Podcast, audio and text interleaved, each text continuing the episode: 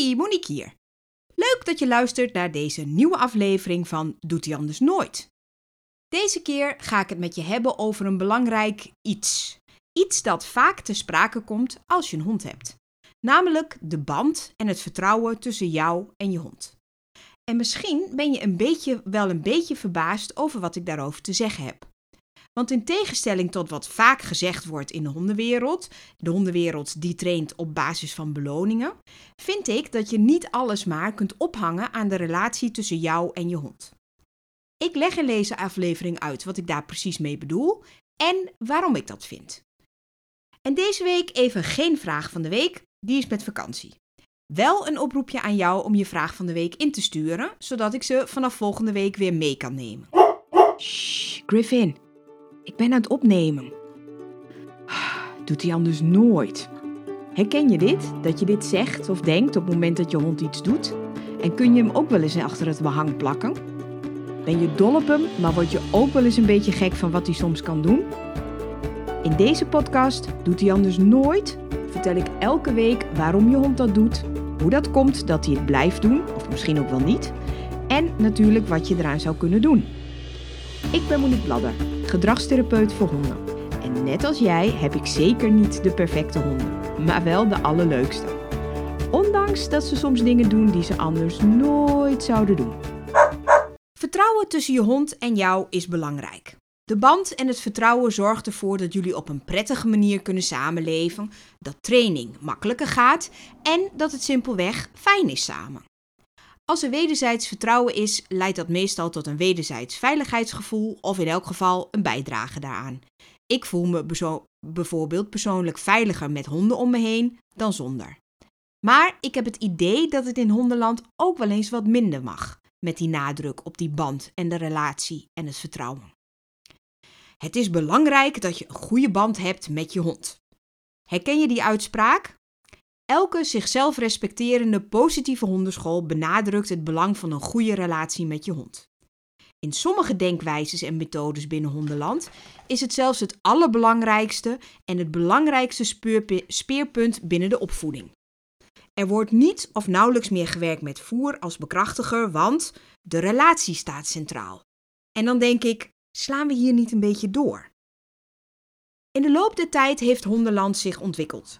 Van een gedachtegang waarbij we uitgingen van een soort van black box, waar aan de voorkant een commando je hond inging en er aan de achterkant een gedrag uitkwam, zijn we, gelukkig maar, op het punt beland dat we ons realiseren dat het veel complexer is dan dat, dan zo'n black box.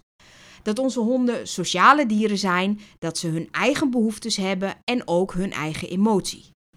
Dat ze onderdeel zijn van ons gezin en het ook verdienen om op die manier behandeld te worden. En helaas is zeker nog niet elke hond um, wordt op die manier gezien en behandeld. Maar er is wel degelijk een kentering te zien in hoe we in het algemeen dan, in de grote lijn, honden behandelen en naar hun kijken. Maar, zoals het zo vaak gaat binnen hondenland, is er het risico dat we van het ene uiterste doorschieten naar het andere uiterste. En laat ik als allereerste heel duidelijk maken. Ik vind de relatie die je hebt met je hond heel belangrijk. Voor het welzijn van je hond en voor jouw welzijn is het noodzakelijk dat jullie het goed kunnen vinden samen. Dat je hond vertrouwen heeft in jou en dat jij vertrouwen hebt in hem. Dat hij niet bang voor je is en dat jij natuurlijk ook niet bang bent voor hem.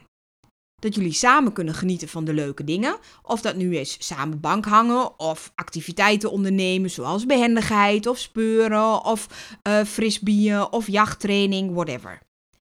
Die relatie en het samen zijn met een hond is wat voor mij in elk geval het hebben van honden in mijn leven onmisbaar maakt. Ik kan me echt oprecht geen leven voorstellen zonder honden. En ik denk ook dat ik de honden die in mijn leven geweest zijn um, en hopelijk ook nog gaan komen, dat die zich ook geen leven konden of kunnen voorstellen zonder mij. Voor zover ze zich dat natuurlijk daadwerkelijk beseffen. En nou ja, dat hoop ik dan natuurlijk. Het goed kunnen vinden met je hond is dus essentieel. Maar ik vind dat je het individu hond tekort doet als je ervan uitgaat dat zijn hele leven en zijn bestaan draait om jou. Of zou moeten draaien om jou dat je hond alleen maar gelukkig is of wordt als hij het goed kan vinden met jou. Dat zijn gedrag altijd gestuurd of op zijn minst sterk beïnvloed wordt door de band die er is tussen hem en tussen jou. Want hoe lastig het soms misschien ook voor jezelf in te denken is, in het leven van jouw hond zijn er ook echt andere dingen op sommige momenten belangrijker dan jij. En dat die dingen soms belangrijker zijn dan jij, zegt niet per definitie iets over jullie relatie en over jullie band. Ik heb een hele fijne relatie met Alex, mijn partner. Maar er zijn momenten in mijn leven dat er op dat moment andere dingen eventjes belangrijker zijn. Vriendinnen, werk, familie en, niet te vergeten, mijn honden. En als het eens zou, zou gebeuren dat wij samen, Alex en ik, op een terras zitten en bijvoorbeeld Brad Pitt komt voorbij, dan is dat toch echt wel eventjes belangrijker. Tijdelijk maar hoor, maar wel even op dat moment. En dat is dan niet omdat mijn relatie met Alex niet goed is, maar omdat er ook nog andere dingen zijn in het leven waar ik aandacht aan wil geven, waar ik op zijn minst eventjes naar wil kijken. En dat beïnvloedt vervolgens mijn gedrag. En zo is het ook voor onze honden. Als ik met Griffin, mijn ongecastreerde flatcoatreu, aan het trainen ben in een openbaar gebied, kan die zeer regelmatig behoorlijk afgeleid zijn door allerlei lekkere geurtjes. Zeker als het teefje van onze buren ook nog net loops is. Is dat lastig, vervelend, irritant? Absoluut. Maar ik twijfel er geen moment over dat de relatie tussen hem en mij nog steeds oké is. Hij heeft op dat moment nu eenmaal iets anders aan zijn hoofd dan te luisteren naar wat ik hem op dat moment vraag. Gedreven door wie hij is als hond. Want hij is meer dan alleen maar de hond in mijn leven. Hij is een hond. Punt. En het zal je vast niet verbazen dat ik het dus heel jammer vind dat de relatie soms het enige en het allerbelangrijkste speerpunt is in de opvoeding. Werken met voer wordt soms ontmoedigd omdat het gaat om de band tussen de hond en jou. En ik denk dat je daarmee dus de plank mislaat. Voer is voor de meeste honden een hele sterke bekrachtiger van gedrag. En hoe belangrijk het ook is om aandacht te hebben voor de relatie en de band, het gedrag van een hond is nog steeds, net als bij ons, het product van de combinatie tussen emoties en leerprincipes. En over beide onderwerpen, emoties, leerprincipes, maakte ik al eerder allerlei podcastafleveringen. Dus als je nu denkt, wat zegt ze nu? Luister vooral ook even naar die afleveringen. En door aandacht te hebben voor de emoties van en de band met je hond, betekent dat nog niet dat je bijvoorbeeld leerprincipes en de sterk bewezen kracht van voer als bekrachtiger, dat je die over moet, overboord moet gooien. Het feit dat een relatie belangrijk is, betekent niet dat uh, bekrachtigers zoals voer, of misschien ook wel speeltjes, dat die niet ook nog een belangrijke waarde hebben. Dus kies nou niet voor het een of het ander. En laat nou niet het een veel belangrijker zijn, de band, dan het ander, de leerprincipes. Want juist de combinatie samen maakt het zo sterk. Vind ik dan, hè? En ook zonder een band met een hond kun je hem dingen leren. Kennis en toepassing van hoe een hond leert, hoe het zit met leerprincipes zoals klassieke conditionering, operante conditionering, dat is eigenlijk het enige wat je nodig hebt om een hond iets te kunnen leren. Overigens, dat raad ik natuurlijk niet aan, want ik vind het ook super belangrijk voor het welzijn van het dier en voor een eigenaar dat er een band is. Maar net zoals ik vind dat het niet alleen maar om de klinische leerprincipes moet draaien in hoe we met onze honden omgaan, vind ik ook dat het niet alleen maar om de band of de relatie moet draaien. Een hond is namelijk prima in staat om, los van ons, dingen te voelen en een levend wezen te zijn. Laten we van beide het beste toepassen. Laten we gebruik maken van voer als bekrachtiger. En laten we aandacht hebben voor de relatie tussen hond en begeleider, omdat dat het welzijn van beide, hond en begeleider, verbetert zodat we de hond niet alleen maar nog meer afhankelijker maken van ons dan die al is, maar dat we hem ook de gelegenheid geven om buiten ons eens leuke dingen in zijn leven te hebben. We bepalen al zoveel voor ze. Wanneer ze eten, wanneer ze naar buiten gaan, uh, soms wanneer ze slapen, wanneer er allerlei leuke activiteiten te doen zijn. Een beetje los van ons zou best ook wel eens goed kunnen zijn voor hun welzijn. En als het gaat om gewone opvoeding, om je hond dingen te laten leren in de basis, vind ik het dus belangrijk om een goede band te hebben met je hond, maar dat het daar niet alleen maar om moet draaien. Die leerprincipes spelen ook een rol.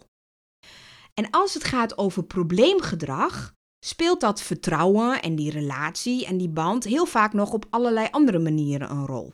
Bij de eigenaar dan. En dan vooral wat die vindt wat het vertrouwen moet zijn dat een hond moet hebben in haar als eigenaar. In mijn beleving is vertrouwen niet iets dat je kunt afdwingen of iets dat moet. En toch wordt het nog vaak op zo'n manier gebruikt.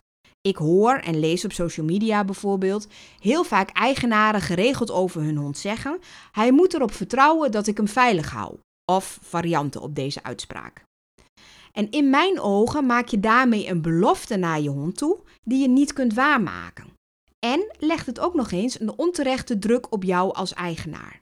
Ik zal uitleggen wat ik daarmee bedoel. De zin hij moet op mij vertrouwen dat het veilig is, wordt in diverse situaties gebruikt.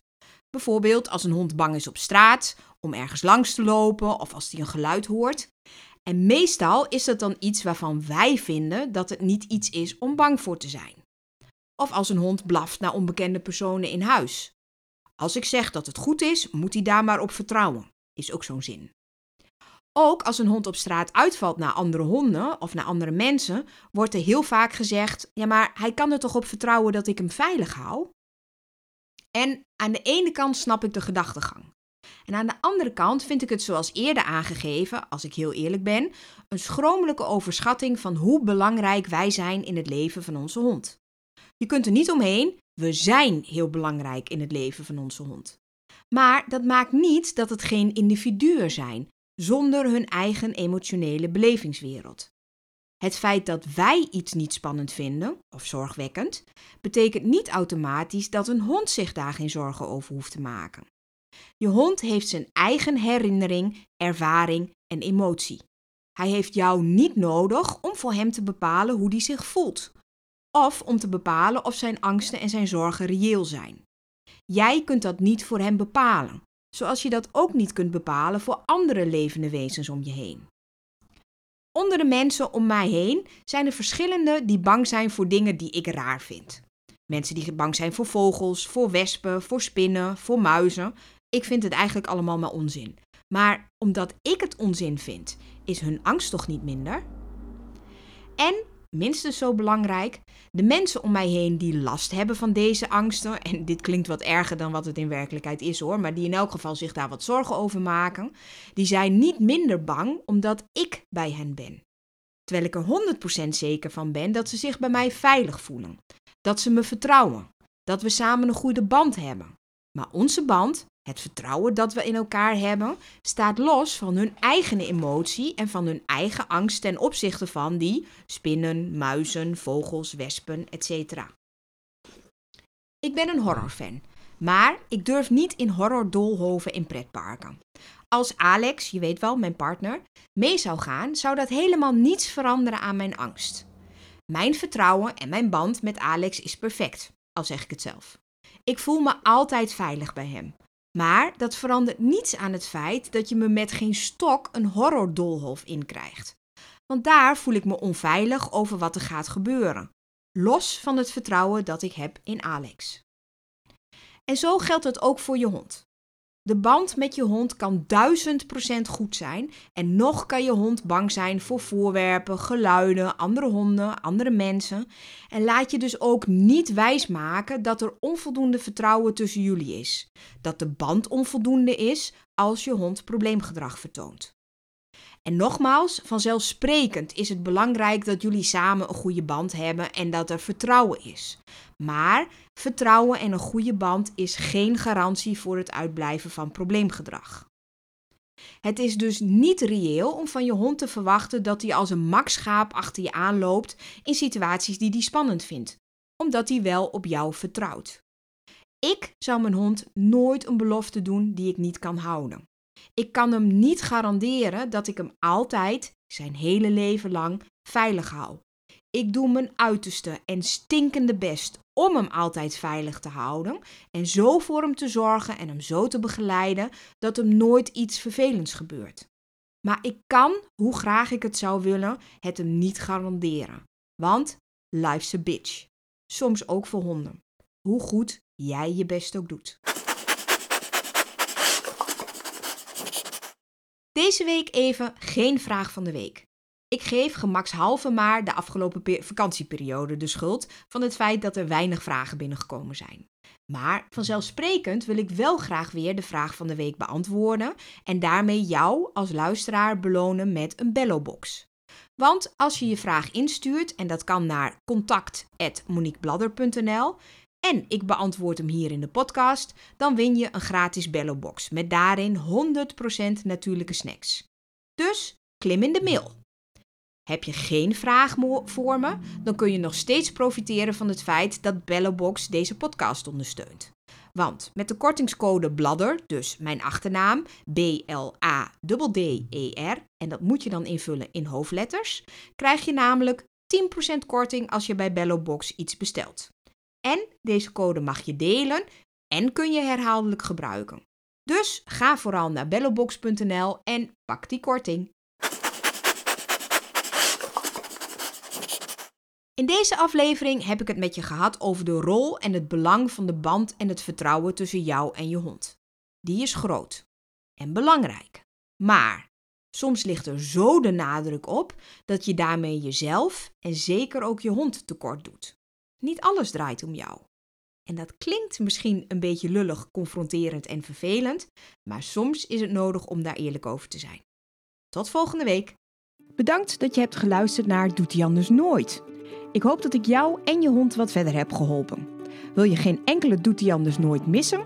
Abonneer je dan op mijn podcast en nog beter, laat een review achter. Zou ik super blij mee zijn. Wil je dat ik jouw vraag ook beantwoord in deze podcast? Mail dan naar contact@moniquebladder.nl. Tot volgende week.